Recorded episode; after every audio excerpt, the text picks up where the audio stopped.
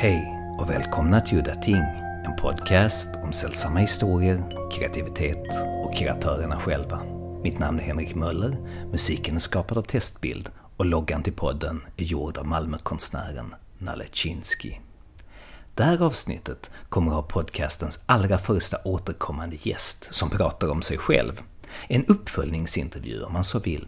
Som ni inte har hört förra avsnittet med Blade Runner-manusförfattaren Hampton Fancher så börjar jag med att lyssna på det först.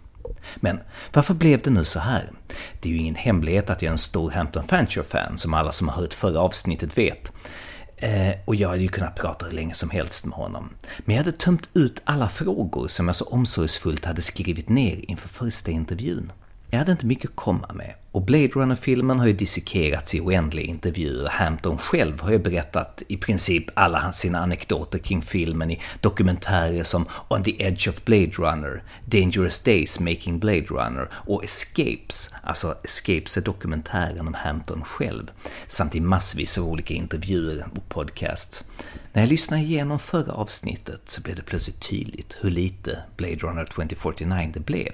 Hampton svarade kortfattat om bland annat manusarbetet med Ridley Scott. Där blev det inga anekdoter, ingenting om vad de pratade om kring manuset 2049 när de utvecklade och sånt. Det hade han ju gjort om den första Blade Runner-filmen. Så varför tog det nu plötsligt stopp? Jag hade frågat om han kunde skicka mig manuset och han sa att han skulle kolla med sin agent och återkomma. Efter en månad så skrev jag till honom igen och då svarade han så här.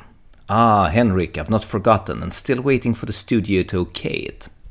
I talked to one of the people and he asked for more time. Jag återkom en tid senare och fick då svaret “They're really reluctant to let this fucking acid Zoo script get out. I asked about it again and it wasn't just a no, it was hold off for a while until there's been more discussion on the subject. Which I suppose means nobody wants to be responsible for being blamed. For what, I can't imagine. Jag hade haft det på känn att det skulle bli så, men det verkade faktiskt som om det fanns mer bakomliggande än så. I en intervju så berättar Hampton att Harrison Fords karaktär Deckard dör i hans version av manuset, och slutet var annorlunda. Hur vill han inte gå in på, men något som han hintade om i den där intervjun var att detta kunde utvecklas till en ny uppföljare. Han säger också att han har en idé om hur en tredje film skulle kunna bli. När intervjuaren då frågar om han kan utveckla och prata lite mer om det så säger han nej. Han säger att han alltid varit emot sådana här tramsigheter som hemlighetsmakeri och rädslor att någon ska sno hans idéer. Fast nu sa han att nu har han faktiskt börjat tänka på att fan, om jag säger det nu så kommer det någon annan och bara tar idén och skriver manuset. För han vill verkligen vara med och skapa en tredje film. Så min idé var nu att försöka gräva djupare i Blade Runner 2049.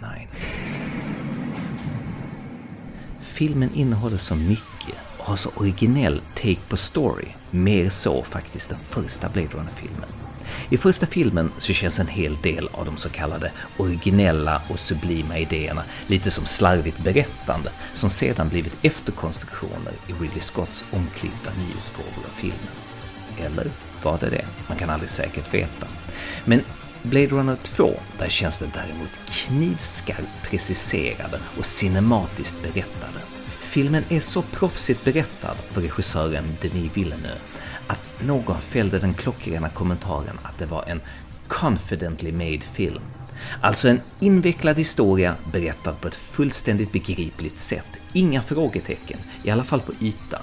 Undertexten är en helt annan sak, och så ska det ju vara. Några nämnvärda briljanta saker är, till exempel, i de flesta sci-fi och fantasyfilmer så är huvudpersonen den utvalde, alltså en messiasfigur som ska rädda mänskligheten.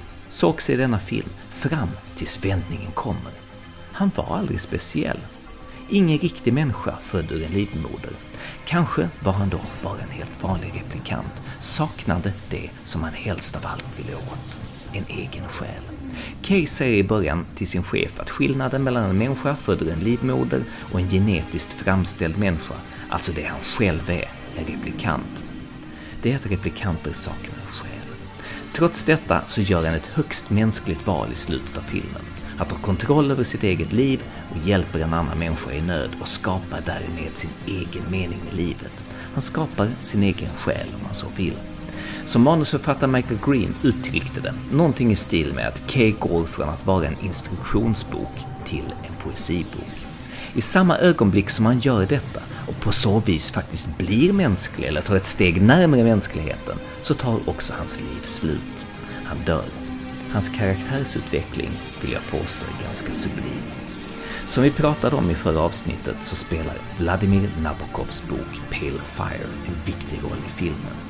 Den ligger på Kays skrivbord, vilket antyder att han läser den, samt ett stycke ur den är grunden till hans baseline-test som han gör i filmen.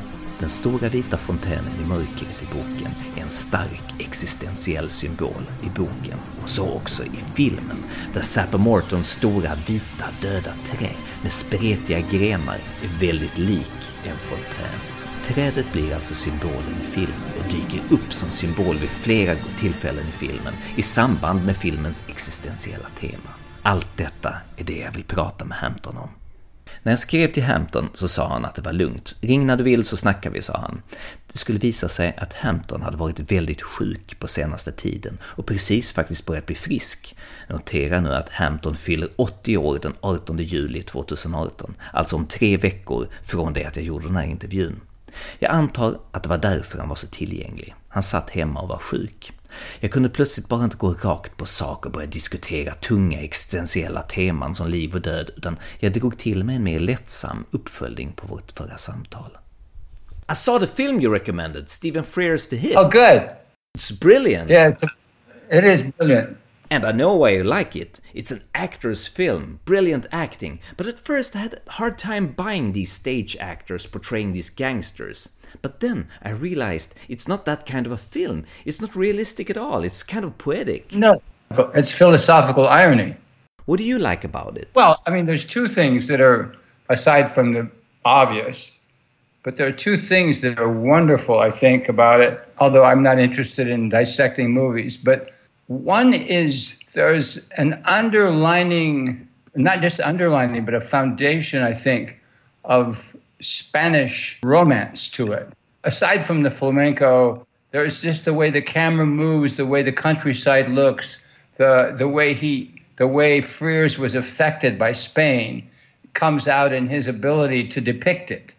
And so there's a mysticism. I don't mean a, a, uh, this kind of mysticism, but a kind of mysterium, a kind of mystery that that has to do with Spain that infects everything about the shooting, about the acting, about the the way people speak and what they say.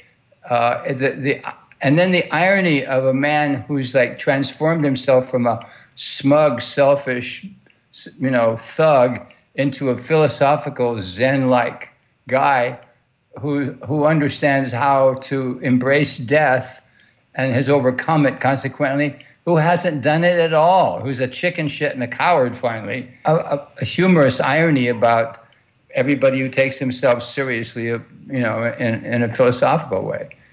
And uh, so it was a satire too. You know, he said, wait, wait, wait, wait, don't kill me now. You said tomorrow, you know? And it's never tomorrow, it's now. But it's so that it, that it, I think because he had that notion, because he, had that posture, that position, that stance within himself, Frears, I think it permeated everything.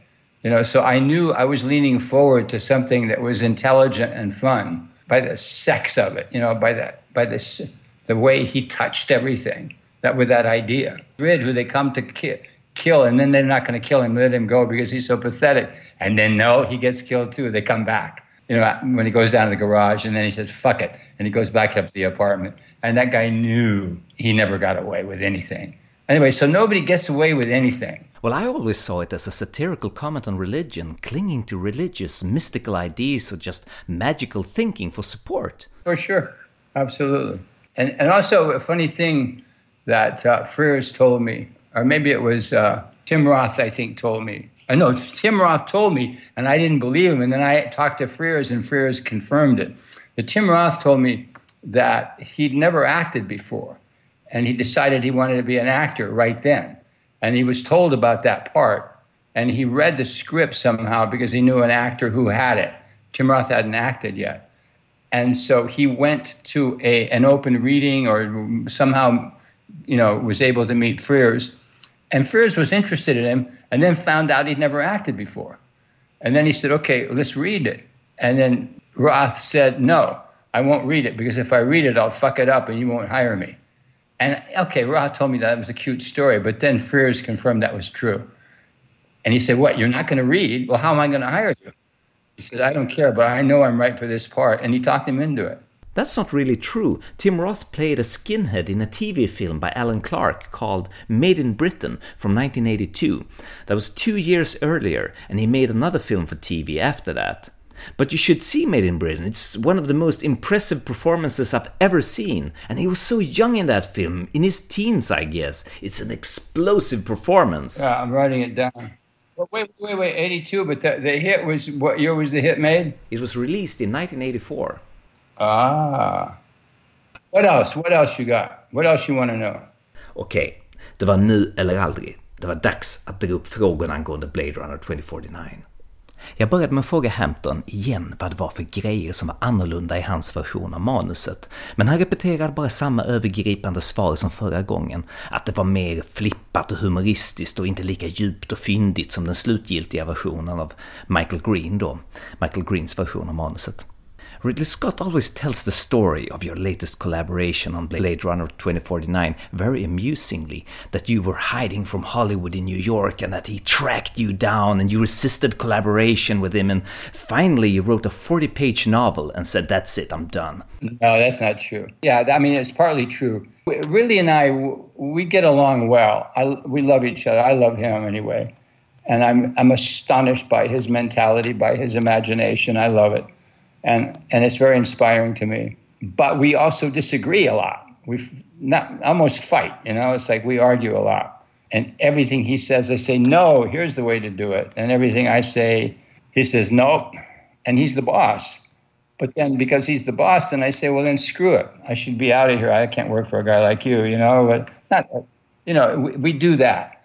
And then he always says, go ahead, just do it. You know. And I do. And then you know, he uses an aspect of it, I guess, but not everything. And that did happen. I, I, I went back after a meeting in London to, to uh, came back to the States, and I wrote, it wasn't a novel. He kept calling it an essay. It was a fucking treatment, you know, like a regular screen treatment, like everybody writes, you know. It's a good idea to write a treatment, maybe, because the screenplay is easier then. Uh, and, and also, it's a good idea for them because they know what they're going to get in the screenplay because the treatment shows everything. And so I did write a treatment, which he calls a novel. You know, somebody else called it a poem, you know, and it was called many things, but nobody ever respected it enough to call it a treatment. Well, it's a good story, playing on that you are the mad poet working unconventionally. But I won't let this go. Ridley, I have been told by people that have met him that he's very much into existentialism and mysticism, like the Holy Grail and that type of stuff. No, all of it, all of that. I'm, I'm not. I have no interest in that. Very little. And so he, you know, he send me books, ever, you know, or he have ideas, but I really didn't. I mean, I'm interested in it, but I'm more interested in just the story without that, actually. I don't know. I mean, it's one question's existence. What is it that makes us us and all of that? But that's very, to me, it's sort of boring. You know, I mean, you, after you ask a question like that, you're not going to get an answer. And you can speculate on it, which is interesting. That's not boring.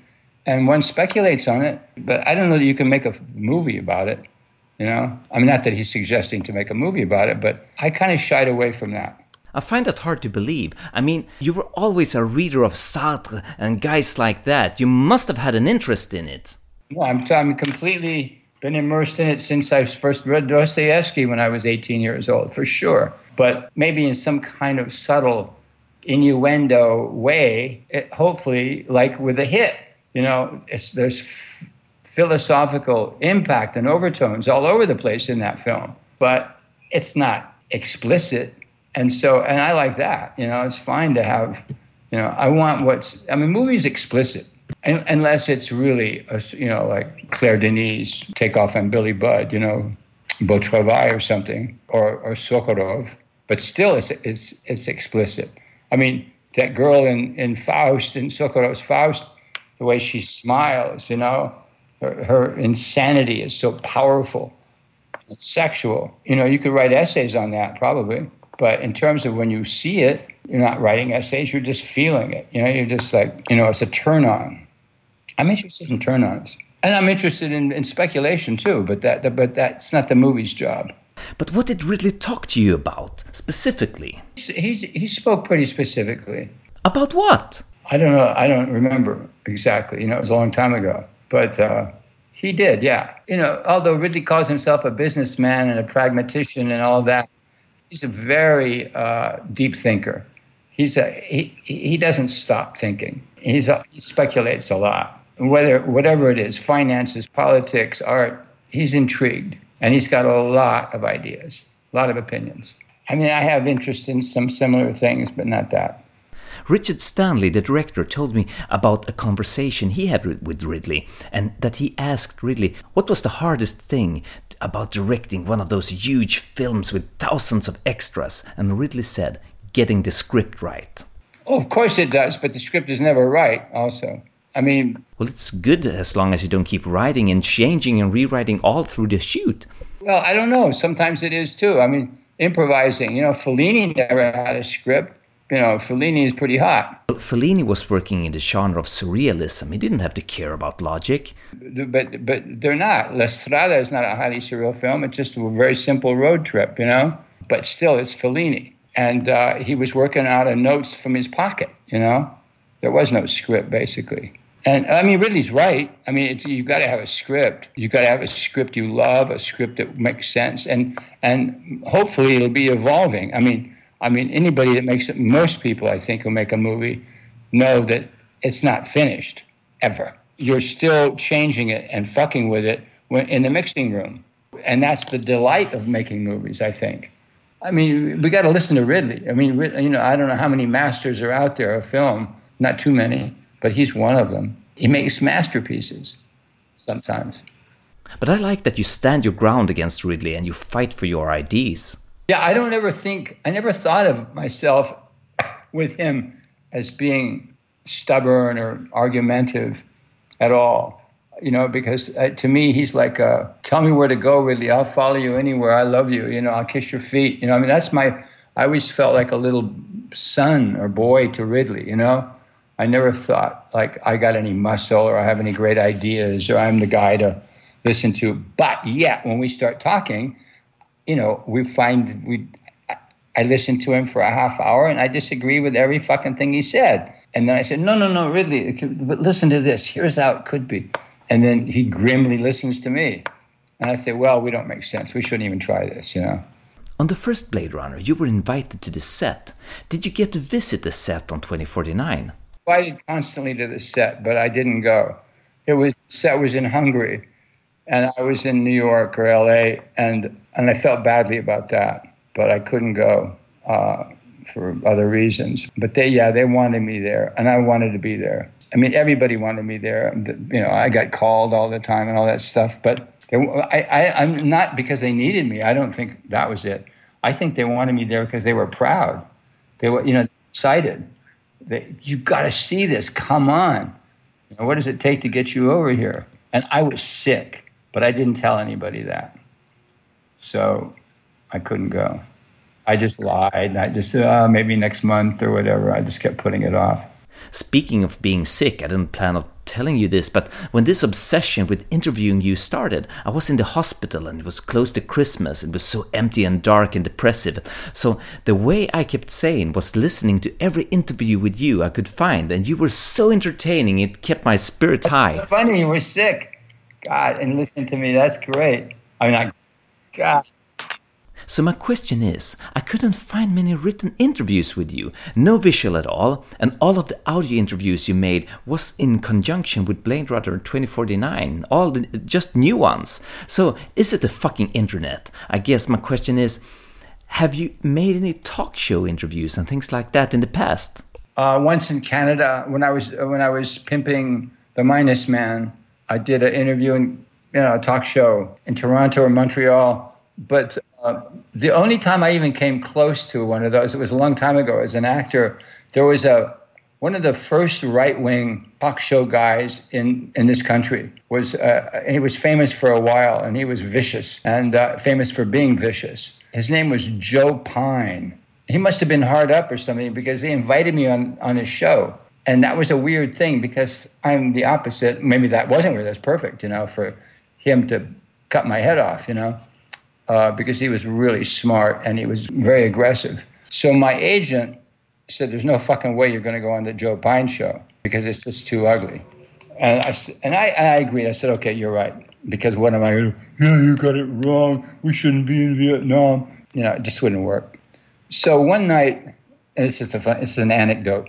One night, I go to a bar in Beverly Hills, a Polynesian effect called Trader Vic's, I think it was called. And it's late at night, and I'm driving home, and I see that that bar is open, and I like to drink, and so it's like midnight. I park, I go in there, and there's nobody in there. It's a big place with palm trees and shit. Everything falls. And there, sitting at a table, is Joe Pyne by himself. So I go to the bar and I order a drink, and somehow we notice each other. I mean, he talks to me, he invites me over to the table, and he says, "How come you won't do my show?" And and I said, "Because I'm not a total asshole." And um, we laugh, we talk, and he's very funny and he's very crazy. He's drunk, and then he orders. He, as we're talking, we're enjoying ourselves. You know, like he's a vet, he's a macho guy and I'm this skinny, strange, you know, fellow. And he he orders, he tells one of the busboys, he says, bring me a fucking butcher knife right now. So the guy goes to the kitchen and comes back with a, a big knife, you know, for carving or something. And he's in his hand, and I think he's going to attack me, you know. Fine, it was funny, you know. And then you put it down. I didn't, and then if we forgot about it, we kept talking and drinking. And then suddenly he picks up the knife, and like in a second, just plunges it into his thigh, like that. And the knife goes in through his pants and goes bong, bong, bong, bong, bong. And he's got a wooden leg. And I didn't know that. You know, and that was just like a, some joke he pulled once in a while. But that is to say, that's the closest to a talk show I got. Joe, Joe funny, his name is Pine, because that's a wood, you know, P-I-N-E. Jag minns ett roligt citat från Kalle Linds podd Snedtänkt om manusförfattare, där han säger någonting att alla skiter i dem och att ska man göra ett reportage om en film så talar man först med skådespelarna, sen med regissören, sen kanske med fotografen och sist efter runnern så är han som tömmer soporna, så kanske man tar in han, killen då som har hittat på alltihop. Why, still in this day and age, is the writer so uninteresting? I don't know. Writers are not sexy. Writers are not interesting. Writers, except maybe other writers, but uh, even then, yeah, I've met writers. I mean, those screenwriters, especially, or any writers, writers are like cameramen or something. You know, they're like, and they do their job. They're often, I mean, sometimes they're crazy. Dalton Trumbo, you know, wonderful guy to talk to, who I talked to once. Or, or, or I guess, you know, there are certain hero writers for Bo, Bo Goldman. Yeah, Bo Goldman, the writer of Cuckoo's Nest. He's brilliant. Yeah, he's a motherfucker, a great writer. I was, and he must be interesting. I mean, a lot of people, but writers have always been famous for being uninteresting. Like the, you know, the, the joke in Hollywood is she was so dumb she fucked the writer to get somewhere. They're second class. I never felt it personally. In Hollywood, with every job you have, you're important to them as long as you're needed. You know, as it, that's fine. That's just the mechanics of it. But and so the writer means something. Oh, we love you. Come on, you know, anything you want. You know, you want a screening of this, or you want an assistant, you want blah, blah, blah. But when you're fin- when they don't, of course, when they don't need you, why should they do that? A girl once said to me something great. She said, "Remember, you're not very important. Uh, not about just writing, but anything." Right? Oh yeah, that's right. I'm not. The only person that's important is the director. And, you know, in filmmaking, it seems. I mean, but there's a hierarchy. You know, the costume designer can push people around and cause trouble, or the hairdresser can, and the rest of the makeup department. You know, it's you know it goes all the way from top to bottom, and even the director sometimes. I saw the crew once uh, uh when I was directing. The crew once kind of rebelled against me. I didn't get my way. I, I never. I, mean, I always thought writing was a lucky thing to be able to write a movie and you know be in that position it's amazing felt like you know a kid in a candy store my dreams had come true or whatever and I think, you know, unless you're cynical, uh, that's how you would feel if you get to be a writer. Okay, but things in the business became different after the first Blade Runner. It was a different. It was far different. All through the '80s, I felt pretty important. I mean, in terms of the studio, like they, you know, agent would call and say, "Listen, you've got to do something." They, you know, whoever the, you know, Don Simpson really wants you. You know, you've got to talk to him. Ah, fuck Don Simpson. No, no, no. He'll, he comes after you then and said, What do you want to do? You say, I want to do a film about a computer that doesn't work. Oh, great idea. Sign here. Here's $200,000. And I mean, I'm kind of exaggerating, but not much. I mean, really, it's like that. That, that That's the idea of the high concept. You know? And there was a lot of people running studios then who thought very highly of their power, you know, and they, and, and they wrecked it, you know, that, that kind of largesse or laissez-faire attitude because the studios lost a lot of money with that kind of I mean, I was getting flown around places and, you know, I want to do research before I sign anything on this. I want this, I want that. Yeah, yeah, yeah, yeah, good. Take it. And there was money. You get tired of it, say, fuck, this isn't going to work, and just quit. And you'd still be, and it wouldn't hurt your next job. You know, oh, he quit the last one. No, it's okay. I heard that in the 80s, a studio could spend money on a film up to $1 million and then pull the plug on a project and get it all back as a tax write off. I've been, I, I was part of that a few times. And the same thing with Broadway.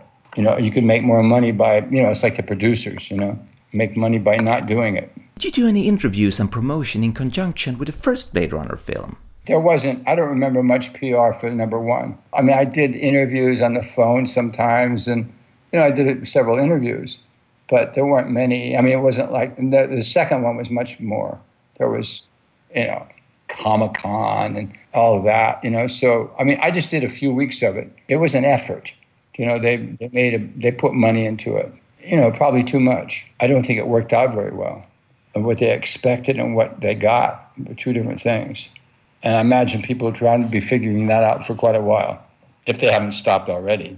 Uh, I mean, I, I did I did a few interviews, but but basically, my, I mean, my my personal involvement was very little, uh, and and partly I think because uh, the only time I was re- literally interviewed was when I was alone, which was very not very often. Because who's going to interview me? The writer, the second writer, the third. I don't know who I am there, but there's another writer. You know, with Harrison Ford hanging around, and you know whoever. I mean, there's ten other, literally six people, stars basically. Those girls were wonderful, and uh, all that, all those people so I didn't have any, you know, no one asked me anything, or very rarely uh, in that in that Comic Con thing, and some other things too. I felt I felt embarrassed. I mean, what was I doing there? But didn't you find it kind of fascinating being part of something that big and crazy as promoting a blockbuster film on Comic Con? That's got to be the biggest venue. I mean, the biggest arena for that type of thing. I mean, it was boring, but it wasn't boring to see those actors and hear hear them talk. It wasn't boring at all. I was quite, I was intrigued and impressed. And, and people were smarter than I thought and all that. So there was something to learn. But there was also this other thing to learn again in that in that Comic Con situation and in others. I'd gone to a few of the, you know, those junkets, as it were. Remember, you're not very important. I was able to use that, you know, rather than feel like an idiot or a bump on a log. I was like, I was at home with not being important, you know, because I'd learned that lesson. You know, I mean, that's not a lesson one learns; it's an ongoing lesson. But uh, it, was it was going on that lesson for me in that in that deal. And there was wonderful things that happened. I, I mean, to see Denis Villeneuve, you know, it was just like it moved me so much. I love that man. I don't know him very well, but I just loved him. And Harrison, you know, it's just such a great human being and you know he exudes maybe he's been in the movies too long but i think it's his natural it's his nature. To be the hero he is in the films he seems to be that in his shoes. And uh, i was very i was intrigued with that. And those girls too. That spanish one god what an angel.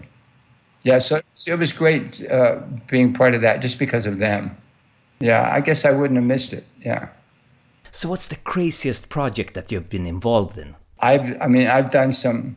I've tried to get some pretty impossible shit off the ground that was not not possible. So those are crazy things. I won that I loved for a long time. I wrote called. Do you know what Heeb H E E B means in English? No. Heeb is is a derogatory way of saying Jew. Heeb.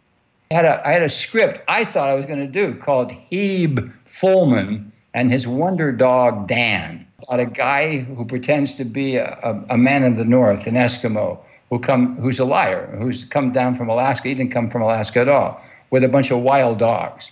He wants to get on television with this show. And it was called Heeb Fullman and his Wonder Dog Dan. And I was crazy to do that movie. I thought I was going to do it. This is before Blade Runner. You know, before I woke up a little bit and said, wait a minute, man, you're on the wrong track. You know, you're never going to make anything happen. Writing Heeb Fullman and his Wonder Dog Dan. Mm-mm. I thought I could do that. So I did, I wrote maybe two or three things before I woke up a little bit that I thought I was going to make, and I actually shot some. You know, would get uh, people would. You know, people also, beside the idiots who dream up this shit that I dream up, there's as many idiots out there who think they want to be part of it, and they'll hook on. You know, they'll get on board, and like, you know, you'll get money.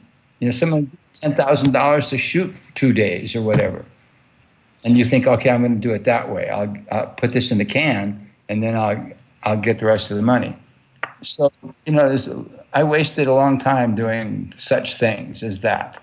You know, there. I mean, there was that time too. That was the '60s.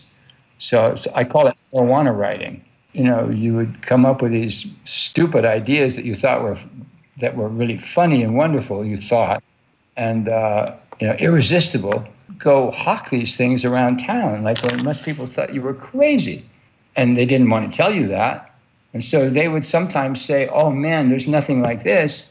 You're a genius, you know? They're fucking with you. You know, they didn't know what else to say. And you believe it. You know, so I did I wasted a long time doing that kind of stuff. It's the fucking irony that you became famous for writing a script from a book that you really didn't like, and most of your fans who want to talk to you want to talk to you about science fiction, a genre you have no interest in. Yeah, it is sort of funny. It's so funny, I don't know how funny it is and it's not funny at all because it's just stupid life going on. But okay, so let's talk about a film, a film that you directed, a film that you like and care about, The Minus Man. How did that happen? The Minus Man happened because I can only assume that I must have cut out a little piece of paper in the back of the New York Times book review. Uh, they sometimes recapitulate reviews they'd done the year before. There's a page where they do little, uh, like a synopsis of a review. And and I and I and I, you know, your eyes glance over those things. So I saw that title, and then a, a four-page, you know, rendition of what the review was, but it was by Anne Rice, the vampire lady, and and so it said the minus man, blah blah blah, Anne Rice, and I just cut that out of the paper. I pulled it out of the, and threw it in my bag and didn't see it again. I forgot about it. But I knew I, I thought I should look at, you know how you do, there's a million books you, think, you say you're going to get. I wasn't thinking of movies. I just thought I was kind of interested in that, you know. Anne Rice wrote a review for a book called The Minus Man. That, intellectually, that was interesting to me. Then I didn't see that thing because it was the bottom of, I have this purse, this bag I carry always and it was it's black. It's down there at the bottom this piece of paper. But one day I'm in a bookstore. This is like a year after that, and I'm in a bookstore and I was looking for something in my bag and I found that piece of paper and it said The Minus Man, and by Lew McCreary and I said, hmm. So I went to the desk. I said, "You got a book called blah blah?" And then, yeah, and here it is. And oh, and I took it home. You know, I have a lot of books I'm always buying. I never read, but this one uh, I, I threw on the bed. And then that night when I went to bed, you know, I go to bed late, probably four in the morning. And then I thought I'd read the first page to see what was up with this thing. And I read the first page, and around, I'm a very slow reader. Uh, you know, it was probably nine or 10 in the morning. I finished it.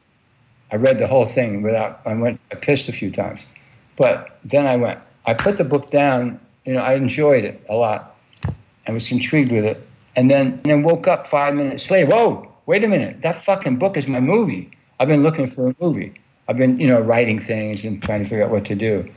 And then I knew that's the movie. And uh, I was I was shocked and uh, I waited. I was so excited. I waited um, until things opened. I, this was in New York. I waited until things opened in L.A. And I called my agent and said, "I want you to find out if this book." I told him what it was. Is optionable. Is uh, it's open. He called me back. I think that day, and he said it, it, it is. And I said, "Okay, I want to get this. Is this? I want to make a movie of this." So it turned out the author lived in Boston. I flew to Boston. Lew McCreary, I loved him. We got along really well, and um, and I had ideas about how to do it, and he loved the idea. Bingo. It was an exciting p- period. I did it very fast. I wrote that not that script in three months, which is quick for me. So how did you guys collaborate? I mean, you and Lew McCreary. Called him all the time on the phone. Met twice or once. Uh, he, he and I are very compatible philosophically and in a literary way. I still know him.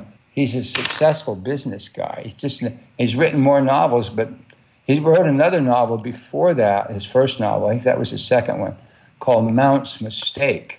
Mount was the name of the guy who put out his cigarette on the trunk of an elephant, who was executed, the elephant, in Edison's first film in 1891 or whenever it was. They executed on Coney Island an elephant for killing a kid. But the kid deserved to fucking die. He put a cigarette out on the elephant. Anyway, the, the conceit, not completely, because that's not the story, but it, the guy's name was Mount, who did that. And Mount's Mistake is this. I love this novel, but nobody will ever do it. I would like to do it. It's animation. So, what was it that attracted you about the book, The Minus Man? Element was too simple. I think there could be no good without evil. You know, I encapsulate it with one line, basically. It's the rattlesnake in the Easter basket. But right away, I knew what it meant. I knew what it was, and I knew how to do it. You know, I could. I didn't ever do it right, by the way the thing that I really wanted to do, I could not get it done. I, I'm, because I'm not good enough of a filmmaker. Uh, I mean, I, I, like The Minus Man. I don't. I'm not ashamed of that movie at all. I mean, there's a couple of things I don't like about it that I would change. For the most part, I dig it. I'm proud of it. And when someone says they like it, I'm like over the moon. And I want a prize. You know, I was. I love that. I have the prize in my bathroom. What was it? The things that you didn't get. Thing that I didn't get because I did get the rattlesnake in the Easter basket. I think his innocence, doing committing these evils, you know, I'm fine. He gets away with it, and that that's the truth. I think a, a great deal of the time. But in in humanity, in our history, we can't stop doing this. We keep keep we don't stop murdering, and it kills you. Anyway, um, to contrast it with with the other truth, is our goodness so I needed his goodness, and I needed an actor who could, you know, do that Billy Budd thing. And I got it. So, but the thing I didn't get that I dreamed of is one of the things I wanted from that actor was his skin, was the milk of him, the Swedish boy innocence of that, you know, Elvira Madigan, you know, of him. I never, I tried it. You know, I really tried to get it. You know, with my DP, I, I, talked about it forever with everybody, lighting people. I talked about it, talk, talk, talk, talk. I tried it myself. I said, fuck it. I said, I'm getting, give me the camera. And I took a handheld camera and went off with Owen on a ride. And I shot and did all. It's really hard. I mean, to, to, I mean, Bergman or those guys who can make their dreams come true on celluloid. I'm not one of those guys. I don't know how that's done, but I tried, but I never never got to that point. It was too much of a newcomer to directing. It was I was looking so much at the actor. Sometimes I would forget about what the fuck is that light doing on over there in the far corner of the room. Stop! I want that out.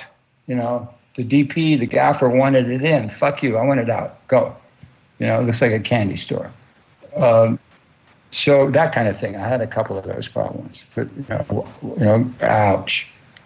You know, ashamed of um, some lighting moments. My fault. You once said that you really, what you really wanted to do was direct, and that's what you really were born to do. So, when did you identify that talent? I'm not saying I'm Kazan, but I do have that quality with actors. I know I can bring things out of actors just by being there. Eh, because directing is osmosis. It's not. It's not a technique. Like Ridley, you know, Ridley is a, he does very well with actors. Lots of. I mean, most of the time. And and that's not because of him saying do this and do that or here's what it's about. It's because he's just conveying it from his belly. You know, he doesn't even know it probably. And and it just comes out of you because you're the right guy for that job. I was born to do that. I could do that with children. You know, when I was a child, uh, you know, it's just a, an, a, a talent uh, you, you have. I think I think what it really is, it's I mean, generally speaking, it's imagination that you're imagining shit. And then it's empathy. It's like that because you're able to empathize, the feeling of what you're imagining is osmotically conveyed to the actor. And the actor's waiting for that. He wants that. I as an actor, I know that. Like you look at the director and the director looks at you and you go, oh, you know what to do. Same thing with writing and directing. You know, Ridley looks at me and he says, it's like, it's like, you know, whatever. And you say, yeah, I know, you know. And so it's, that's what it is. And, and some actors or some directors don't have that. And they, and they get, like, I don't imagine Hitchcock had that. But, and he didn't direct very much. I mean, he didn't tell anybody what to do. And uh, yet they were picking something up from him. You know, they knew what to do because of how he was. And so it's a very it's a magical thing, or at least it's a it's a quiet thing. And there are people who are loud and mean and angry and horrible who direct who do uh, pretty well. You know, I mean, who've done magical things directing actors. I think trust. You know, it's like they they they got in without knowing they know sometimes that they trust you, that they know you love them. They know that you're like you're they're the most important fucking thing in the world right then. And and I know that's true. I mean, I know it from being an actor too. It's like you finish something and then did he like that? You know, is that right? Was I good? You know, you want to do it again? And and you can feel it from him, you know. It's really romantic in a way. So, I mean, that's the fun of directing a movie. You know, it sounds kind of cliche, but I think you're learning all the time. You learn all along the line, a little bit, you know. Nothing much changes probably in one's life. You know, you're the same idiot you always were, but you learn a little bit. Looking at your writing, especially the early script for the original Blade Runner, the passages are so precise, so well written. I've heard that you took a long time to write it, and that's why they called you Happen Faster instead of Hampton Fancher. Uh, yeah, I did. I took a long time to write. Um, usually I do. I think it's because of literary standards. Which don't have much to do with screenplay writing, and I've always been accused of being mis- making a mistake and taking time to write. Because who gives a fuck about the writing? You just got to have the map. Well, but on the other hand, someone is going to have to read this shit. I was a scriptwriter at a film studio in Sweden, and a lot of script never got past me because that's how badly and uninteresting they were written. A, a lot of success in Hollywood or wherever has been done without that. You know, a lot of big movies have been made, uh, big money-making movies, and they and they're terrible to read. I've read, I've been curious about some of those things, and I've asked for those scripts, and I get them. I, whoa, I read this; it's so bad, but they made so much money. Last time we talked, you told me about your new book that was coming out, a book on writing. Where are you at with that project right now? Well, we're arguing about the title. I call it "The Wall Will Tell You," and then the, parenthetically below that it says "The Forensics of Screenplay Writing." They, they want, of course, the forensics of screenplay writing, but, but it'll be the wall will tell you. So, what's your take on teaching writing in that book? Little aphorisms, you know, suggestions, poetical craziness, you know, and and it, you know, it's uh, hopefully an inspiration. You know, like you read something there and you go, "Oh, I can do that," or "I want to do that," or you're inspired to do it. So, and it's cautionary too. You know, the pitfalls and the mistakes you can make in writing and believing your own shit, you know. And so, you know, just it's. I, I took the cue from the Bresson book, uh, Notes to a Cinematographer. Uh, it's a famous old book that most people read to do film. You know, uh, you know Robert Bresson, right? Yeah. He was a big inspiration for the Minus Man, that Diary of a Country Priest. I studied that film, but anyway, that book is much more profound, I think, and, and detailed than my little book. Last time we talked, you told me that you worked on Dino De Laurentiis' 1974 King Kong, studying the gorillas, while on LSD, and there was an anecdote connected to that that led up to the title Acid Zoo, that was the fake title for Blade Runner 2049. What was that gorilla anecdote? There was several. I've gotten in trouble with the gorillas in different places. Yeah, at a zoo, two times at, at two different zoos, and then another time at a um, at an animal park they call it, which is basically a zoo, but there's no fence, there's no cages, and uh, you know every the animals are separated by moats, you know, water uh, or, or deep pits.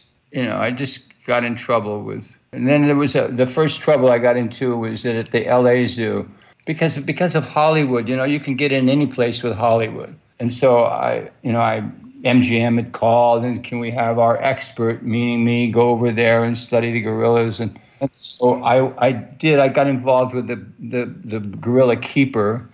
It was a strange guy. He was like a gorilla, man of few words and a big hulking guy.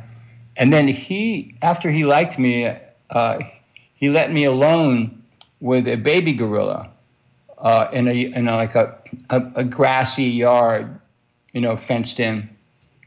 And in the middle of that yard was a uh, compound, you know, about as high as my chest uh, where they kept uh, with gardening material and stuff. And so the gorilla, after I got to know the little gorilla, she was like two years old or something. Uh, and he saw that I was good with her, you know, that she would hold me and all that. Uh, he he left us alone, and at at that point, I mean, this isn't this isn't a story worth telling, but but it was a funny occurrence, you know, a touching occurrence. She and I were playing. What, you know, like I would stay on one side of the compound, the little square structure that kept the gardening equipment, and and I would hide from her. The gorilla at that age is the same as a two-year-old child. I think she understood that. Oh, we're playing hide and seek. Like she would come around the corner to try to see me, and I'd come up behind her, or she, I let her do the same thing. You know, like a kid playing hide and seek. We did that for quite a while. And then at one point, I realized I could get up on top of this thing, this structure. And I did that. And so I climbed up on top, and she didn't see me do that. So she's still going, moving around everywhere, looking for me down grass. And I'm looking at her from up above. And, and it was wonderful to watch her do that because she kept getting confused finally. And she'd come this way, that way, and I was never there. And so at one point, I stood up on my toes and screamed at her from the, roof, you know. Ah! She freaked out and scared her to death, you know. So she ran and was yelling, and the zookeeper came in and was, you know, picked her up and took her away. And uh, I understand that people were not allowed to play with the gorillas anymore after that. Did you come back with any useful notes from all of those studies? You know, I came back with a lot of ideas at that point they were wanted to know idiosyncrasies of gorillas that maybe they could put into King Kong. So I did come up with a lot of things, but I watched them for quite a while. So I came up with shy behavior and paranoid behavior, and just certain certain things that I noticed the gorillas did. So then I would report back to the studio to the guy who was the gorilla expert. More than I, I wasn't a gorilla expert. I could just do a gorilla, you know, uh, balletically kind of do a gorilla, and uh, but they had a guy who was really a, a, a, very famous gorilla guy, so who was working with the the man who was creating the the, the physical structure for the gorilla, and uh, but everything I told him, and I would make draw things and sketches and stuff, but nothing, nothing was used. But you got paid for it, right? Uh, well, I got paid. They got so angry with me finally that I was the guy who was kind of my boss. And one time, because of something I did on one of those outings at the zoo, uh, said, "You're out of here. Fuck you, Fancher." You know, we had an argument, and that was it. But the thing that he forgot to do was have me sign anything, so that checks kept coming every week throughout the entire production. That was only in pre production where I was working for a few weeks, maybe two or three weeks. And then I was fired.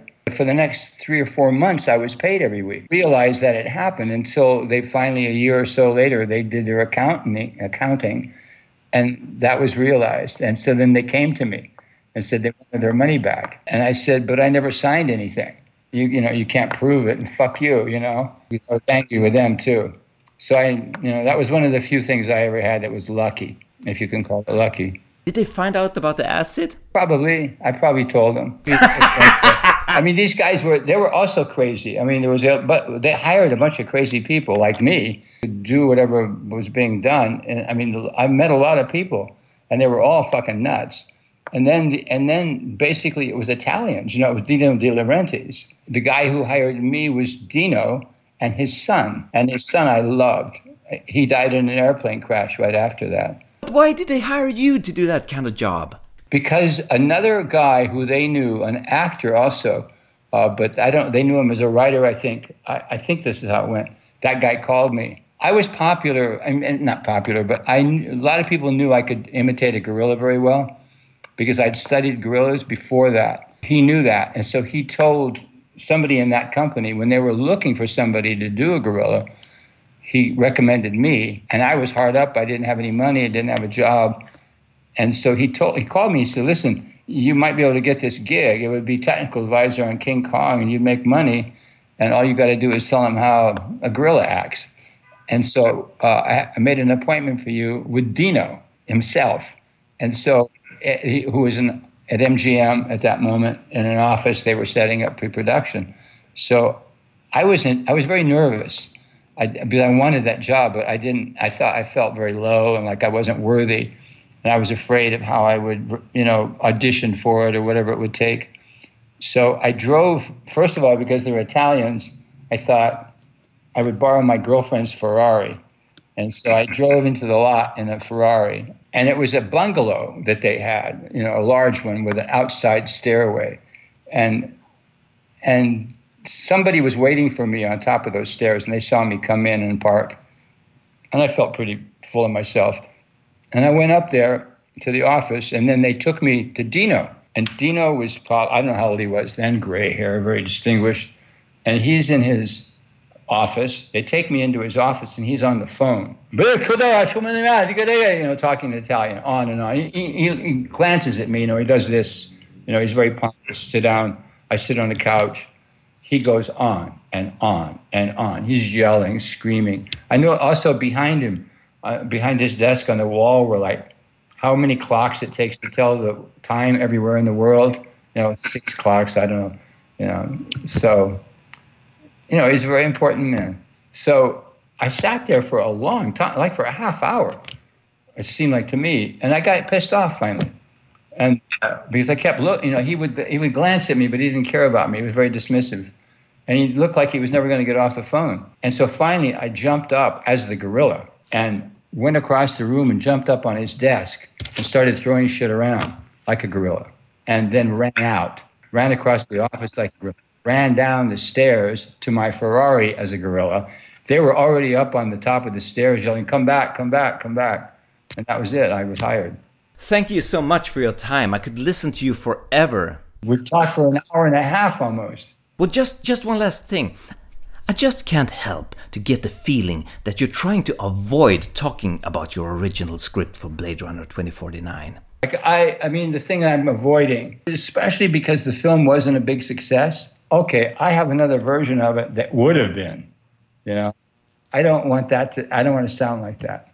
I'm tempted just to send it to you because I don't think you're going to say, okay, here's a film club over here that wants that, and you're going to send it to them, you know, and then get spread around or something or whatever they're afraid of. But I think you, I, I, you know, I hope, you know, I mean, what the fuck? Why not? I mean, the movie's already out, so you know, who's got anything to lose? Nobody. That's what I said to my to the one of the VPs. He said, "I know, I know," but he said, "Let me just let me get run this by, you know, the boss." And I'm sure it'll be fine. So, and not too long from now, I'll send it to you. Jag tror det ligger någonting i det här med senaste Blade Runner-filmen, för Shoulder of Orion, Blade Runner-podcasten, den stora podcasten, har försökt nå Hampton för en intervju hur länge som helst. Och under mycket kortare tid än så har jag hunnit göra två stycken intervjuer med honom. Med då liksom förutsättningen att vi skulle prata om hans noveller, hans bok Shape of the Final Dog. Så det är någonting som han inte vill prata om, manuset med Blade Runner 2049. Det blev inte riktigt som jag hade tänkt mig nu på grund av det, men som fan av Hampton så kan jag lyssna hur länge som helst på hans anekdoter och eh, jag ser det ju som en vinst hur som. Och det här avsnittet blev ju inte på långa vägar så bra som förra avsnittet på Hampton när jag hade liksom så mycket att prata om. Men jag hoppas i alla fall att ni tyckte avsnittet var okej okay, i alla fall. Och jag kan säga att jag väntar fortfarande på hans manus ska dimpa ner i min inbox. Jag har i alla fall inte gett upp hoppet än. Ja, det var allt för den här gången. Mitt namn är Henrik Möller, musiken är skapad av Testbild. Hej då!